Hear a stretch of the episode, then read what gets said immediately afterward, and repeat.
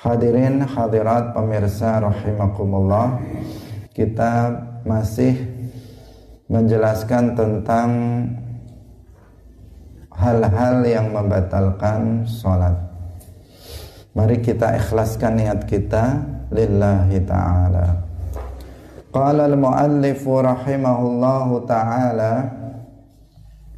Wabil akli Lan sholat batal kelawan mangan wasyurbi lan ngombe. Illa inna siya kejaba lamun lali sapa wong. Wa qalla lan setitik lan setitik apa al akal wasyurb wa biniyati qat'i salati lan kelawan niat mekat salat. Wa bi ta'liqi qat'iha lan kelawan gantungaken mekat salat wa bitaraddudin lan kelawan. Ragu fihi eng dalem qat'iha. Bi ay wa bi dia lan kelawan yanto lewat apa rukun rukun suwiji ma'asyaki sartane ragu.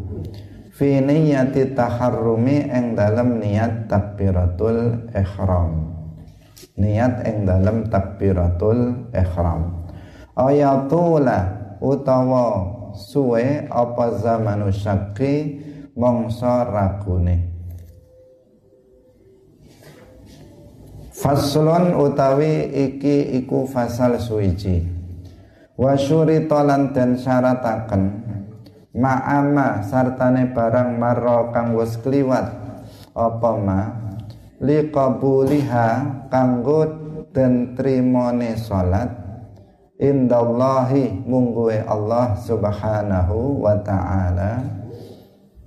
Apa ayak sida yen to nejo sapa wong biha kelawan salat wajhallahi ing ridone Allah taala wahdahu khalih suwijine. Wa ayyakuna lan yen to ana apa makaluhu panganane wong wa malbusuhu lan pakaiane wong wa musallahu lan panggonan salate wong iku halalan kang halal. Wa ayyahdura lan yen to hadir sapa apa kalbuhu atine wong fiha ing dalem salat. Falaisa lahu min salatihi illa ma ukila minha wa alla ya'juba biha falaisa lan ora ana iku lahu ketuwe wong min salatihi saking salate wong illa ma ukila illa ma ukila kejaba kejaba barang ukila kang den akali minha saking salat. Tegese kang khusuk kang pikiran pikirannya itu uh, ada di dalam sholat wa alla ya'jubalan yanto ora ujub sapa wong pihak kelawan sholat Hadirin hadirat pemirsa Madu TV yang dirahmati oleh Allah Subhanahu wa taala. Ada dua hal yang pagi hari ini kita akan jelaskan. Yang pertama menyambung pembahasan sebelumnya yaitu tentang hal-hal yang membatalkan sholat. Kemudian akan kita lanjutkan dengan surutul qabul, syarat-syarat diterimanya sholat.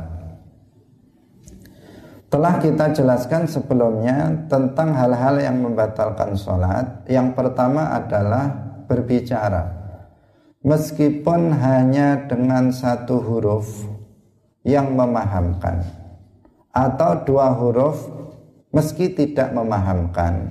Maka itu membatalkan sholat. Nah, berkata yang dimaksud adalah berkata yang bukan zikir. Karena jika zikrullah maka itu tidak membatalkan sholat. Kemudian yang kedua adalah melakukan perbuatan yang banyak seperti misalnya bergerak tiga kali berturut-turut menurut sebagian ulama itu batas minimalnya Menurut sebagian ulama yang lain dan itu yang lebih rojih adalah bergerak yang memakan waktu sampai satu rekaat. Kemudian yang selanjutnya yang membatalkan sholat adalah bergerak satu kali tetapi berlebihan. Misalnya meloncat Kemudian yang berikutnya yang membatalkan sholat adalah menambah rukun perbuatan. Misalnya rukuknya dua kali, sujudnya dua eh, apa sujudnya tiga kali, maka ini membatalkan sholat. Kemudian bergerak satu kali yang tujuannya adalah untuk bermain-main. Ini juga membatalkan sholat. Yang berikutnya adalah wabil akli wasyurbi Sholat itu bisa batal dengan sebab makan dan minum. Nah, seseorang ketika sedang sholat kok dia makan atau minum, maka dia batal sholatnya. Nah, meskipun di sini makannya itu tidak dari awal, tidak dari awal itu maksudnya apa? Dia sebelum sholat makan Kemudian ketika sholat selilitnya itu keluar. Nah, kemudian dia makan karena dia ber, belum berkumur-kumur ketika tadi makan. Kemudian apa yang ada di sela-sela gigi ketika digunakan untuk membaca Fatihah itu keluar. Setelah itu dia makan. Maka di sini bisa membatalkan sholat. Nah, tetapi kalau seseorang itu lupa, nah, lupa bahwa dia sedang sholat, kemudian dia makan. Jadi dia sedang sholat, kemudian lupa bahwa dirinya sedang sholat. Kemudian dia makan. Maka sholatnya di sini dirinci. Apakah dia makan itu dalam jumlah yang banyak atau jumlah yang sedikit. Jika yang dia makan itu jumlahnya sedikit, maka tidak batal. Itu jika lupa. Nah, jika lupa bahwa dia sedang sholat, kemudian dia makan, dan makanan yang dia makan itu sedikit, maka itu tidak membatalkan sholat. Tetapi jika yang dimakan itu misalnya satu piring, atau lebih misalnya sedang sholat makan sebanyak itu maka meskipun dia lupa maka batal sholatnya. Tetap batal sholatnya. Karena apa? Yang dimakannya itu banyak. Nah ini berarti apa? Berbeda dengan puasa kalau seseorang itu puasa Kemudian dia makan karena lupa, dia lupa dan makan. Ini meskipun yang dimakan itu banyak, meskipun dua piring, tiga piring dia makan, tapi kalau dia itu makannya karena lupa, maka puasanya nggak batal. Nah, begitu dia ingat bahwa dia sedang puasa, sedang uh, dia langsung apa namanya membersihkan mulutnya yang belum masuk dikeluarkan, dibersihkan mulutnya, maka dia masih bisa melanjutkan puasanya. Ini kalau puasa. Tetapi kalau sholat tidak bisa begitu. Kalau dia meskipun dia itu lupa, lupa dalam sholat dia lupa kalau dia sedang sholat kemudian makan. Jika yang dimakan itu banyak maka batal. Meskipun lupa. Nah, tetapi kalau nggak lupa nah, nggak lupa sedikit saja yang dia makan meskipun hanya satu teguk air.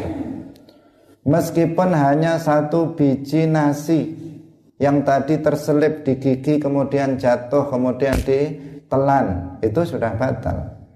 Meskipun hanya satu tetes air nah, bukan ludah air nah, maka dia apa namanya batal sholatnya. Nah, itu jika tidak lupa. Jika lupa tetapi hanya sedikit maka itu tidak membatalkan puasa. Hadirin rahimakumullah Termasuk juga membatalkan sholat adalah muntah baik dengan sengaja atau tidak dengan sengaja. Ketika seseorang sholat kemudian dia muntah maka itu juga membatalkan sholat. Hadirin hadirat rahimakumullah. Maka di sini kita harus berhati-hati.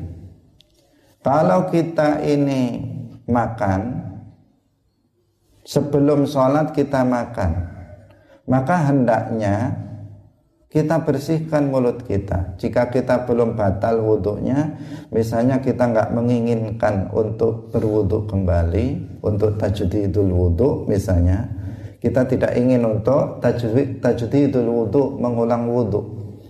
Maka hendaknya kita minimal adalah membasuh mulut kita Jangan sampai nanti ada makanan-makanan yang tersisa di mulut. Nah, dibersihkan terlebih dahulu baru kemudian melaksanakan sholat. Ini untuk kehati-hatian. Karena kalau seseorang itu tidak melakukan itu, tidak membersihkan mulutnya sebelum dia sholat, maka dimungkinkan, sangat mungkin sekali ketika dia sholat, nanti masih masih ada sisa-sisa makanan di mulut yang terselip-selip dalam gigi itu. Itu biasanya kalau dibuat baca baca ayat atau baca doa iftitah misalnya itu akan keluar itu. Nah, akan keluar. Lah kalau kemudian kita makan tertelan nah, maka dengan sengaja seseorang memakannya maka dia akan membatalkan sholat dia. Karena itu uh, dibersihkan dulu sebelum kita melaksanakan sholat. Kalau seseorang misalnya sebelum sholat itu minum, minumnya bukan air putih, tetapi yang diminum misalnya air teh atau air kopi. Kalau mau sholat dibersihkan dulu karena dalam kopi itu terdapat butiran-butiran.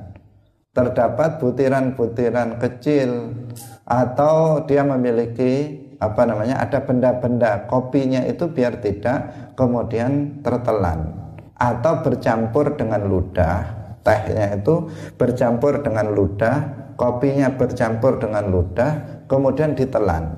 Nah ini nanti bisa membatalkan sholat Nah, karena itu uh, harus dipastikan kalau kita mau sholat dipastikan bahwa mulut kita itu bersih dari bekas makanan dan juga bekas minuman agar nanti uh, ketika sholat kita tidak makan atau minum yang dilakukan dengan sengaja.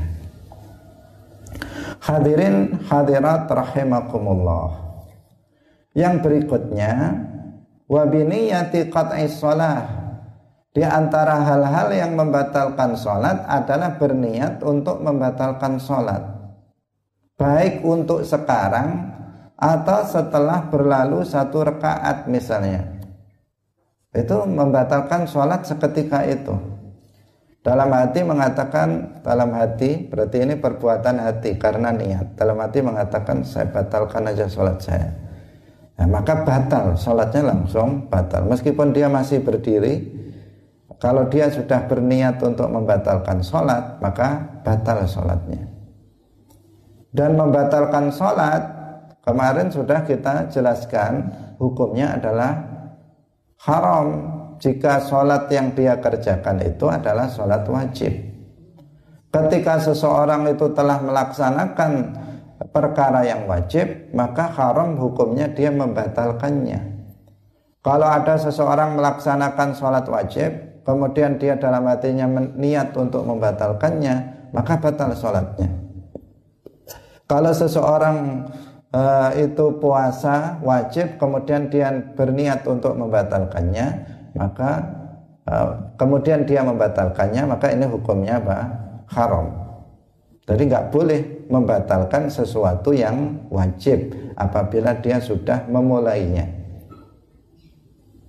Nah, ketika seseorang melaksanakan sholat, Kemudian dalam hatinya ketika sudah dapat dua rakaat misalnya satu rakaat misalnya, kemudian dalam hatinya mengatakan saya batalkan sholat saya, maka batal seketika itu. Meskipun secara lahiriah dia masih sholat misalnya, nah, misalnya, maka telah batal sholat dia tersebut.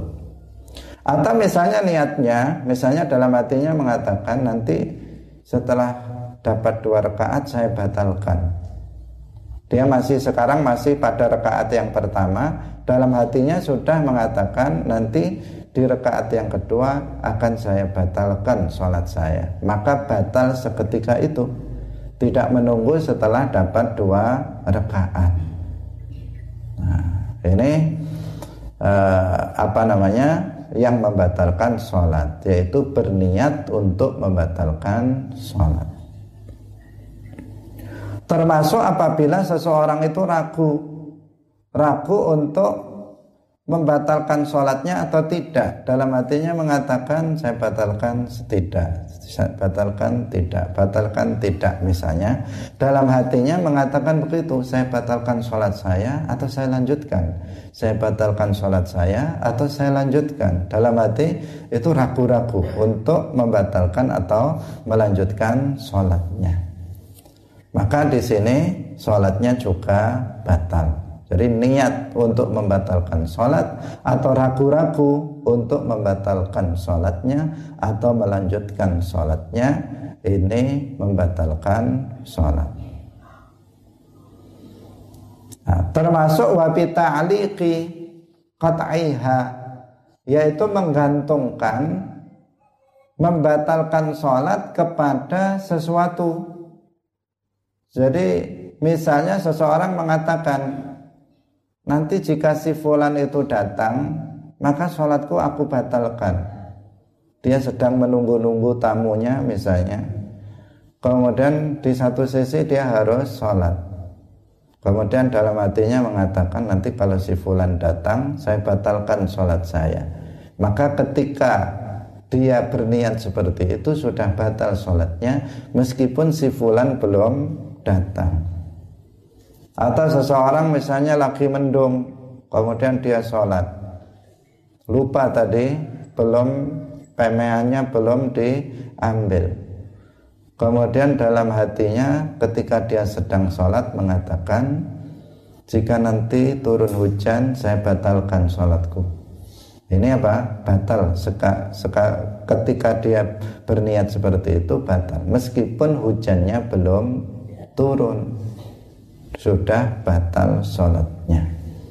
Nah, karena itu nggak boleh bagi seseorang untuk membatalkan untuk berniat untuk membatalkan sholat dengan digantungkan kepada sebuah kejadian nanti kalau mobilnya sudah jalan saya batalkan sholatnya ini tidak boleh yang seperti itu ya sudah kita harus kalau sudah masuk pada yang wajib maka kita lanjutkan sampai selesai.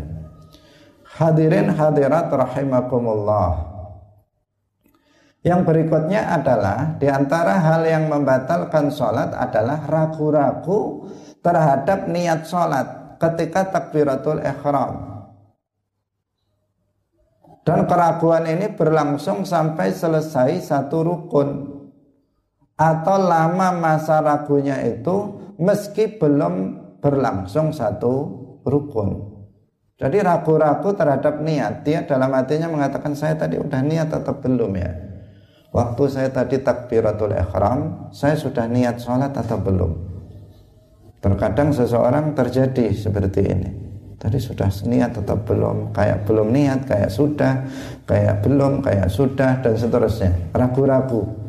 Ah, ragu-ragu dia tentang niatnya apakah dia sudah niat atau belum nah, keraguan ini berlangsung sampai satu rukun atau tidak sampai satu rukun tetapi sangat lama maka ini membatalkan sholat misalnya seseorang yang mulai dari awal membaca al-fatihah sampai selesai dan mulai rukuk dalam hatinya masih ragu sudah mulai Fatihah itu sudah ragu. Tadi udah niat atau belum tadi? sudah niat atau belum dalam hatinya sudah fatihah sudah selesai tetap dalam hatinya mengatakan sudah niat atau belum. Sampai turun ruko tetap dalam hatinya sudah niat atau belum. Maka di sini batal sholatnya. Karena yang diragukan itu apa? Niat. Yang diragukan itu adalah niat. Apakah dia sudah berniat sholat ketika takbiratul ihram tadi atau belum nah, karena itu dia harus uh, karena itu batal sholatnya ketika sudah berlalu satu rukun. Tetapi jika hanya sebentar misalnya se sekejap dia ragu-ragu sudah niat atau belum. Kemudian dia oh sudah misalnya. Dalam hatinya ya dalam hatinya mengatakan oh udah udah udah niat. Kemudian hilang keraguan itu maka itu tidak membatalkan sholat tetapi jika sampai satu rukun seperti dalam contoh tadi mulai dari awal baca fatihah sampai dia mulai rukuk masih ada keraguan dalam hatinya apakah dia sudah niat sholat atau belum nah, ini yang menjadikan sholat uh, seseorang menjadi batal Hadirin hadirat pemirsa Madu TV rahimakumullah. Uh, inilah beberapa hal yang membatalkan sholat yang disebutkan oleh muallif dalam kitab ini kitab Sunnamut Taufiq. Yang berikutnya kita masuk pada pasal yang baru yaitu tentang syurutul qabul. Syarat-syarat diterimanya sholat Allah akan menerima sholat seseorang manakala orang yang melakukannya itu memenuhi syarat-syarat ini. Artinya sholat seseorang itu akan berpahala jika memenuhi ketentuan atau syarat-syarat yang akan kita sebutkan. Jika tidak, maka tidak akan berpahala. Jadi sholat itu terkadang sah, tetapi nggak ada pahalanya terkadang sah tetapi tidak ada pahalanya. Tapi kalau nggak sah itu sudah pasti nggak ada pahalanya. Kalau tidak sah pasti nggak ada pahalanya. Tetapi kalau sah bisa ada pahalanya, bisa tidak ada pahalanya. Karena itu syarat yang tidak disebutkan di sini tetapi secara otomatis sudah disebutkan sebelumnya. Syarat utama untuk Salat itu diterima oleh Allah, salat itu berpahala. Syarat utamanya salat itu harus benar, harus sah.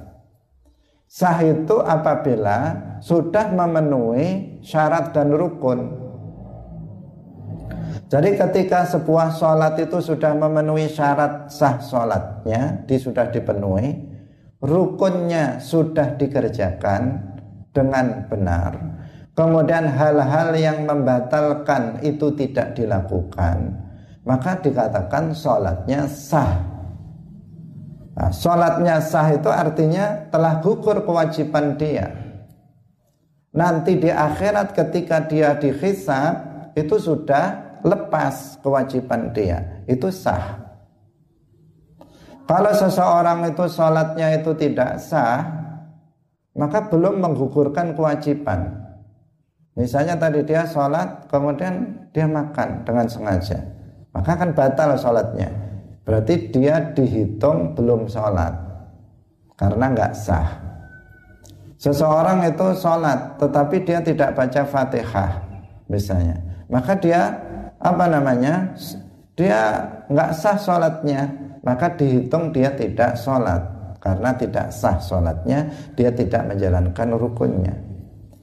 Seseorang sholat, kemudian dalam sholatnya itu, misalnya dia eh, apa namanya dalam keadaan membuka auratnya, ada yang terbuka auratnya, misalnya terbuka oleh angin dia biarkan saja, tidak langsung dia tutup. Kalau langsung dia tutup, maka nggak masalah. Tetapi kalau sekedar biar dulu, misalnya, nah, meskipun hanya satu menit, kalau dia membiarkannya terbuka, maka batal sholatnya. Kalau batal sholatnya berarti berarti apa? berarti nggak sah. Kalau nggak sah berarti apa? Dia dihitung tidak sholat. Nah, ini tentang masalah sah. Sah itu untuk menggugurkan apa namanya uh, kewajiban dia ketika nanti dihisab dia sudah sudah gugur kewajiban dia. Tetapi sholat yang sah belum tentu berpahala. Belum tentu berpahala. Pahala itu apa? Sudah kita sampaikan sebelumnya. Pahala itu adalah balasan yang Allah berikan kepada orang-orang mukmin atas amal soleh yang dia lakukan di dunia berupa balasan yang menyenangkan. Jadi balasan yang menyenangkan yang akan Allah berikan kepada seorang mukmin nanti di akhirat ya nanti di akhirat atas amal perbuatan yang dilakukannya. Itu namanya pahala. Sehingga semakin banyak pahala yang dimiliki yang dikumpulkan oleh seseorang di dunia maka semakin senang seseorang nanti di akhirat semakin sedikit pahala yang dia kumpulkan maka semakin sedikit pula apa kesenangan yang dia peroleh nanti di akhirat. Nah, sehingga pahala ini apa? Penting karena dia untuk meningkatkan apa namanya derajat dia indallah nanti di akhirat. Nah jadi kita bukan hanya fokus dengan keabsahan sholat saja tetapi kita juga harus meningkatkan kualitas sholat kita dengan memperhatikan syurutul qabul syarat-syarat diterimanya sholat atau syarat-syarat berpahalanya sholat. Ada 10 orang sholat di sini berjajar-jajar misalnya. Apakah pahalanya sama? Jawabannya tidak. Ada yang satu nggak dapat pahala sama sekali yang satu dapat pahala sedikit, yang satu dapat pahala agak banyak, yang satu penuh pahalanya. Bisa terjadi seperti itu. Nggak sama. Orang itu sholat nggak sama antara satu dengan yang lain dari sisi pahalanya. Karena apa? Ditentukan oleh seberapa besar dia memenuhi syurutul qabul, syarat-syarat diterimanya sholat. Hadirin hadirat rahimakumullah. Kita mulai. Yang pertama ayat qasida biha wajhallahi ta'ala wahdahu. Nah, sol, syarat diterimanya sholat yang pertama adalah nah, dia tujukan sholat itu wajah Allah artinya untuk mencari ridha Allah. Wajah Allah itu di sini artinya bukan mukanya Allah, dengan pengertian anggota badan bukan. Karena Allah Subhanahu wa taala tidak menyerupai makhluk. Memiliki anggota badan itu adalah sifat makhluk. Punya wajah anggota badan punya tangan anggota badan punya kaki itu adalah sifat makhluk. Sedangkan Allah Subhanahu wa taala tidak boleh disifati dengan sifat makhluk sehingga sehingga karena sehingga nggak boleh Allah dikatakan memiliki muka yang merupakan anggota badan. Nah, perkataan mu'alif di sini ayat biha wajah Allah artinya adalah apabila seseorang melakukan sholat itu bertujuan dalam sholatnya itu untuk mendapatkan ridho Allah wajah Allah di situ artinya ridho Allah. Nah, jadi maknanya apa? Ikhlas. Ikhlas. Seseorang dalam sholat itu harus ikhlas melakukannya semata-mata karena mencari ridho Allah subhanahu wa ta'ala atau karena untuk menjalankan perintah Allah. Bukan agar dipuji oleh manusia. Jadi karena Allah bukan karena manusia. Itu yang disebut dengan ikhlas. Masalah ini sudah sering kita sebutkan. Bukan hanya masalah sholat saja tetapi dalam semua perkara kebaikan yang kita lakukan jika niatnya itu tidak lillahi ta'ala tidak ikhlas karena Allah maka ibadah yang kita lakukan kebaikan yang kita lakukan tidak akan ada pahalanya. Nah, sehingga kita selantiasa tidak lupa di awal pertemuan kita selalu kita ingatkan agar kita melakukannya lillahi ta'ala karena kalau tidak lillahi ta'ala Kita gak akan dapat pahala. Tidak akan mendapatkan pahala. Dan juga sulit untuk mendapatkan kepemahaman.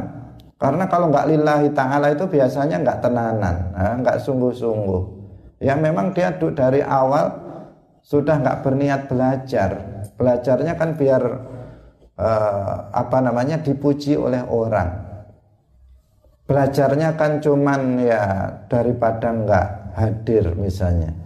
Nah itu akhirnya apa? Belajarnya pun nggak sungguh-sungguh. Kalau nggak sungguh-sungguh ya apa namanya? Ya mudah ngantuk ya mudah main-main ya nggak dengar ya nggak apa namanya? Uh, meskipun ada yang ngomong itu nggak dengar. Karena apa? Ya karena nggak nggak lillahi taala. Tetapi karena kalau seseorang itu belajarnya karena Allah, pasti dia akan serius. Pasti dia akan karena dia untuk mencari ridha Allah, untuk mencari pahala dari Allah, untuk menjalankan kewajiban. Nah, untuk menjalankan kewajiban, maka dia akan sungguh-sungguh dalam melakukannya. Nah, karena itu uh, ikhlas ini sangat penting. Ikhlas itu sangat penting. Innallaha la yaqbalu minal amali illa ma kana khalisan lahu. Innallaha la yaqbalu minal amal. Sesungguhnya Allah itu tidak menerima amal perbuatan seseorang illa ma kana khalisan lahu kecuali amal itu dilakukan ikhlas karena Allah. Dan ini sebuah perbuatan hati yang sangat sulit yang sangat berat. Sedikit orang yang bisa melakukannya secara istiqomah. Sedikit orang yang bisa melakukannya secara istiqomah. Tetapi apabila seseorang mampu untuk melakukan ini, maka dia amal-amal ibadahnya akan diterima oleh Allah Subhanahu wa taala. Sekecil apa pun yang dilakukannya akan berpahala. Tetapi kalau tidak ada keikhlasan dalam melakukannya sebesar apa pun maka amal yang kita lakukan tidak akan diterima oleh Allah. Coba misalnya yang sering kita ingatkan biar tambah semangat kita. Sholat apa namanya hadir dalam majelis ilmu seperti ini. Pahalanya itu kita katakan sering kita katakan itu lebih baik dari sholat sunnah seribu rakaat. Kapan kita bisa sholat sunnah seribu rakaat kira-kira? Kapan? Sudah atau belum? Kalau belum itu akan kapan akan kita laksanakan sholat sunnah seribu rakaat? Rasa-rasanya kok berat sekali. Nah, meskipun sebenarnya bisa, sebenarnya bisa. Tapi kayak-kayak orang model kita ini kok nggak bisa. Kayak-kayak sudah pesimis ya, sudah pesimis. Nah, karena dahulu ada seorang wali cucu Rasulullah As-Sajjad Zainul Abidin Ali bin uh, Husain bin Ali bin Abi Thalib. Nah, beliau itu dalam sehari semalam itu tidak kurang dari seribu rakaat sholatnya. Makanya beliau disebut sebagai as-sajad, yaitu orang yang banyak sujudnya. Karena nggak kurang dari seribu rakaat dalam sehari semalam. Artinya kan mungkin seseorang itu melaksanakan sholat seribu rakaat. Tapi kalau orang modal kita nggak betah, tidak betah untuk melaksanakan sholat sebanyak itu. Nah, tetapi ada amalan yang itu lebih baik dari sholat sunnah seribu rakaat yaitu hadir dalam majelis ilmu seperti ini. Ya Aba Dzarrin, Rasulullah bersabda kepada Abu Dzar, Ya Aba Dzarrin, la anta ghadwa wa tata'allama baban minal ilmi khairun laka min an tusalliya alfa raq'ah. Ya Aba Dzar, apabila kamu keluar dari rumah, pagi-pagi kamu keluar dari rumah, Nah, cocok dengan kita pagi-pagi sekali kamu keluar dari rumah untuk belajar satu bab dari ilmu agama, bab hal-hal yang membatalkan sholat, bab tentang hal-hal yang me, apa namanya membatalkan wudhu misalnya. Satu bab dari ilmu agama itu khairun laka maka itu lebih baik bagi kamu min antusalliya al farokah daripada kamu sholat seribu rakaat sholat sunnah. Pahalanya begitu sangat besar. Tetapi itu pahala itu bisa diperoleh kalau kita itu apa? Ikhlas. Kalau kita itu melakukannya lillahi ta'ala. Kalau kita nggak melakukannya tidak kalau kita melakukannya tidak lillahi ta'ala maka kosong itu. Kosong. Harusnya kita bisa tidur tadi habis sholat subuh tidur nyenyak akhirnya nggak bisa tidur. Kadang melek kadang tidur nggak bisa nyenyak. Harusnya kan bisa nyenyak tadi di rumah. Nah, tetapi karena enggak akhirnya tidak bisa nyenyak. Sudah nggak bisa nyenyak nggak dapat pahala lagi. Kan rugi itu nah, jadi itu harus lillahi ta'ala harus lillahi ta'ala agar kita apa yang kita lakukan diterima oleh Allah Subhanahu wa taala. Maka kita tidak bosan-bosan untuk senantiasa mengingatkan karena kita itu terkadang lupa. Kalau kita nggak diingatkan terkadang lupa, kita nggak niat sama sekali. Pokoknya datang duduk sudah dalam hatinya nggak niat itu banyak orang yang begitu. Dia pergi ke pengajian udah sampai ke tempat itu langsung duduk sampai selesai. Nggak ada niat dalam hatinya untuk talabul ilmi lillahi ta'ala.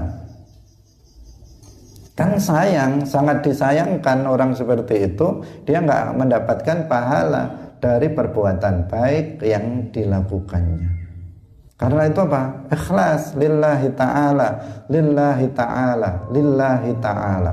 Itu yang harus ditekankan dalam setiap kita berbuat kebaikan. Kalau kita misalnya para hadirin, para pemirsa di rumah ingin misalnya mendapatkan pahala dalam misalnya mengeser pelajaran seperti ini misalnya ada yang di apa namanya diteruskan kepada teman-temannya yang lain. Maka jangan lupa untuk meniatkan lillahi taala. Jangan hanya share saja share share sana sini dan ya, itu baik tetapi dia nggak akan mendapatkan pahala. Manakala dia tidak lillahi taala. Kalau dia tidak ikhlas karena Allah nggak akan dapat dia pahala. Meskipun dia sudah menyebarkan kebaikan-kebaikan. Dia sudah menyebarkan ilmu. Tetapi kalau dia tidak karena Allah melakukannya maka dia tidak akan mendapatkan pahalanya. Di akhirat Maksudnya pahala itu bagaimana? Tadi kita jelaskan di akhirat dia tidak akan mendapatkan balasan yang menyenangkan dari apa yang kita lakukan. Padahal di akhirat yang kita butuhkan itu pahala. Di akhirat nanti, dalam kehidupan akhirat nanti, yang kita butuhkan adalah pahala. Jika nggak punya pahala, itu bekal kita. Kalau nggak punya pahala, maka seseorang akan bersedih, seseorang akan sengsara nanti di akhirat. Bekalnya adalah pahala, yaitu balasan kebaikan dari yang kita lakukan di dunia. Nah, karena itu di dunia ini adalah tempat untuk mengumpulkan pahala sebanyak-banyaknya. Pahala amal yang berpahala, amal yang diterima oleh Allah. Amal yang diterima oleh Allah dan syarat utamanya adalah apa? Ikhlas lillahi taala. fawailul lil musallin alladzina hum fi salatihim sahun. Alladzina hum yuraun. Sampai dikatakan begitu fawailun. Azab yang sangat berat. Azab yang sangat pedih. Bagi orang yang sholat. Nah, orang sholat kok dapat azab itu bagaimana? Alladzina hum fi salatihim sahun. Yaitu orang yang sholat dengan menunda-nundanya sampai habis waktunya. Sholat zuhur di waktu asar, sholat asar di waktu maghrib. Orang yang seperti ini itu yang fawailun akan mendapatkan azab yang berat. Alladzina hum yuraun yaitu orang-orang yang sholatnya itu untuk riak bukan ikhlas karena Allah dia sholat agar dilihat oleh, dipuji oleh orang. Oh itu ahli ibadah. Itu ahli sholat. Itu ahli sholat jamaah. Dia itu memang luar biasa. Misalnya biar di, di, disebut luar biasa oleh orang lain. Biar dipuji oleh orang lain. Nah ini ini menjadikan seseorang itu menjadi tidak berpahala sholat yang dilakukannya dan ini bukan perkara yang bukan perkara yang apa yang ringan. Ini perkara yang berat bagi kita untuk melakukannya karena Allah. Sangat sulit sangat berat. Tetapi kita harus berusaha untuk melaksanakannya. Nah, dengan apa? Dengan salah satunya kita harus tanamkan dalam diri kita bahwa pujian manusia itu tidak akan menyelamatkan diri kita nanti di akhirat dan di alam kubur. Celaan manusia itu tidak akan membahayakan diri kita baik di dunia maupun di akhirat nanti. Seandainya satu dunia ini semuanya memuji-muji kita semuanya memuji-muji kita. Hebat luar biasa pinter alim ahli ibadah ahli zikir dan semuanya ditujukan kepada kita. Sampai kita nggak kuat bahwa pujian itu misalnya semuanya orang memuji kepada dia. Pertanyaannya apakah pujian itu bisa menyelamatkan dia dari azab di dalam kubur? Tidak bisa. Tidak bisa. Apakah pujian manusia yang begitu luar biasa kepada dirinya Pujian manusia itu akan menyelamatkan dia dari azab neraka di akhirat? Tidak. Sebagian ulama mengatakan betapa banyak orang itu diziarahi kuburannya Orang berduyun-duyun datang berziarah ke makam dia Karena menganggap dia itu orang hebat. Karena dia menganggap dia itu orang soleh. Tetapi sesungguhnya orang yang di dalamnya itu sedang diazab. Karena perbuatan-perbuatannya. Karena manusia melihat zahirnya Sementara Allah mengetahui apa yang ada di dalam hatinya. Nah, dia dianggap sebagai orang baik, tetapi sebenarnya tidak seperti yang disangka oleh manusia karena uh, di antaranya mungkin karena dia beramalnya tidak karena Allah. Karena itu kebaikan adalah seseorang yang baik adalah yang baik menurut Allah, bukan yang menurut manusia. Meskipun karena seseorang itu bisa menipu orang lain dia memperlihatkan secara zahir kebaikan di depan masyarakat tetapi sesungguhnya dia tidak seperti yang dilihat oleh masyarakat itu. Nah, karena itu ini harus kita berhati-hati betul, harus berhati-hati betul. La khalasa illa bil ikhlas. Tidak ada keselamatan kecuali dengan ikhlas. Tanpa ikhlas seseorang nggak akan mendapatkan keselamatan nanti di akhirat. Uh, karena itulah betul-betul kita harus menata hati kita, berusaha, berusaha. Ingat, orang memuji saya, orang bilang saya rajin sholat.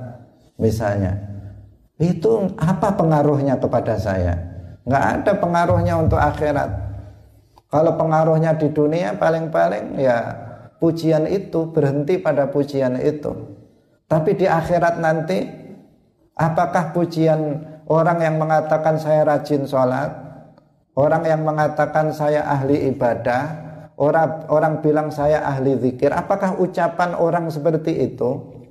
Itu akan bisa menyelamatkan diri kita ketika malaikat azab datang di, di kuburan, ketika malaikat munkar nakir datang, malaikat azab di dalam kubur itu datang untuk menyiksa kita. Apakah pujian itu bisa menghalang-halangi dari azab tersebut? Jawabannya tentu tidak. Jawabannya tentu tidak. Karena itulah maka kita harus berhati-hati. Selalu kita hadirkan niat lillahi ta'ala dalam setiap amal kebaikan yang kita lakukan. Nah, sangat rugi, nah, sangat rugi seandainya kita menyebarkan banyak kebaikan tetapi justru kita sendiri itu tidak mendapatkan pahala dari kebaikan yang kita lakukan itu gara-gara kita tidak uh, apa namanya mengikhlaskan niat kita lillahi taala. Nah, kenapa kamu sholat? Jawabannya harus saya sholat karena mencari ridho Allah. Kenapa kamu sholat? Jawabannya boleh karena saya untuk menjalankan kewajiban dari Allah. Karena Allah berfirman, Aqimus sholat dirikanlah sholat maka saya sholat karena Allah memerintahkan saya sholat kenapa kamu sholat saya sholat agar mendapatkan pahala dari Allah. Ah. kenapa kamu sholat saya sholat agar nanti masuk neraka uh, masuk surga dan dihindarkan dari masuk neraka agar nggak masuk neraka. Biar dimasukkan ke dalam surga karena Rasulullah sudah bersabda barang siapa yang Allah mewajibkan lima waktu salat barang siapa yang melaksanakannya dengan sempurna maka Allah berjanji untuk memasukkannya ke dalam surga. Maka biar aku masuk surga sebagaimana disabdakan oleh Rasulullah maka saya salat itu namanya apa? Ikhlas lillahi taala. Karena Allah karena yang diharapkan adalah pahala dari Allah.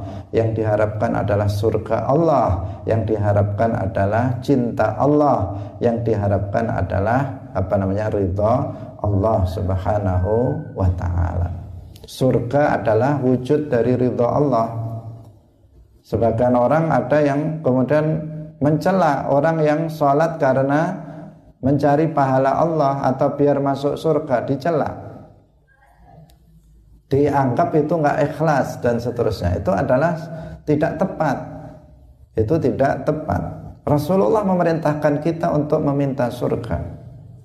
Allah sudah apa namanya mensyaratkan bahwa di antara uh, iba, seseorang itu mendapatkan pahala itu harus karena untuk apa namanya imanan wahtisaban. Ikhtisaban itu litolabil ajr untuk mendapatkan pahala itu adalah bagian dari ikhlas. Karena apa? Karena surga itu tidak diberikan oleh Allah kepada orang yang tidak diridhoi oleh Allah. Kalau seseorang itu diberi pahala, artinya Allah ridho kepadanya. Jika seseorang itu dimasukkan ke dalam surga, artinya Allah itu ridho kepadanya. Jadi wujud lain, wujud dari ridho Allah itu surga wujud dari ridha Allah adalah pahala. Karena itu nggak nggak perlu dipertentangkan antara hal ini. Jadi ikhlas itu seperti yang tadi kita sebutkan. Nah, dia sholat karena menjalankan kewajiban dari Allah. Dia sholat karena biar mendapatkan pahala dari Allah. Dia sholat agar dia masuk ke dalam surga Allah dia sholat agar mendapatkan ridho Allah. Pokoknya karena Allah, maka itu namanya ikhlas. Nah, ria itu kebalikannya. Dia sholat karena biar mendapatkan pujian manusia. Dia sholat agar mendapatkan pengagungan, penghormatan dari manusia. Dia sholat agar mendapatkan balasan dari manusia. Nah, kalau manusia manusia seperti ini tujuannya manusia, maka itu ria namanya, bukan ikhlas. Hadirin hadirat rahimakumullah. Ikhlas ini sesuatu yang uh, sangat sulit, uh, sangat berat, membutuhkan tadi apa? Uh, membutuhkan perjuangan, usaha melawan hawa nafsu. Karena ini perbuatan hati yang bisa berubah setiap saat, yang bisa berubah setiap detik.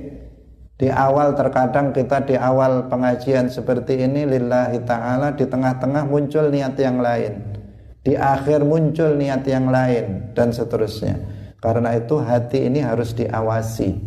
Hati ini harus senantiasa diawasi ketika dia sedikit berbelok, sedikit dia berubah, maka diluruskan kembali. Nah, dan itu membutuhkan sebuah usaha dan perjuangan dari kita semuanya. Hadirin hadirat rahimakumullah. Ini satu syarat dari diterimanya sholat masih ada beberapa lagi setelahnya insya Allah kita lanjutkan besok tentang apa syarat-syarat diterimanya sholat nah, demikian semoga bermanfaat bagi kita semuanya بارك الله فيكم والله الموفق إلى أقوم الطريق.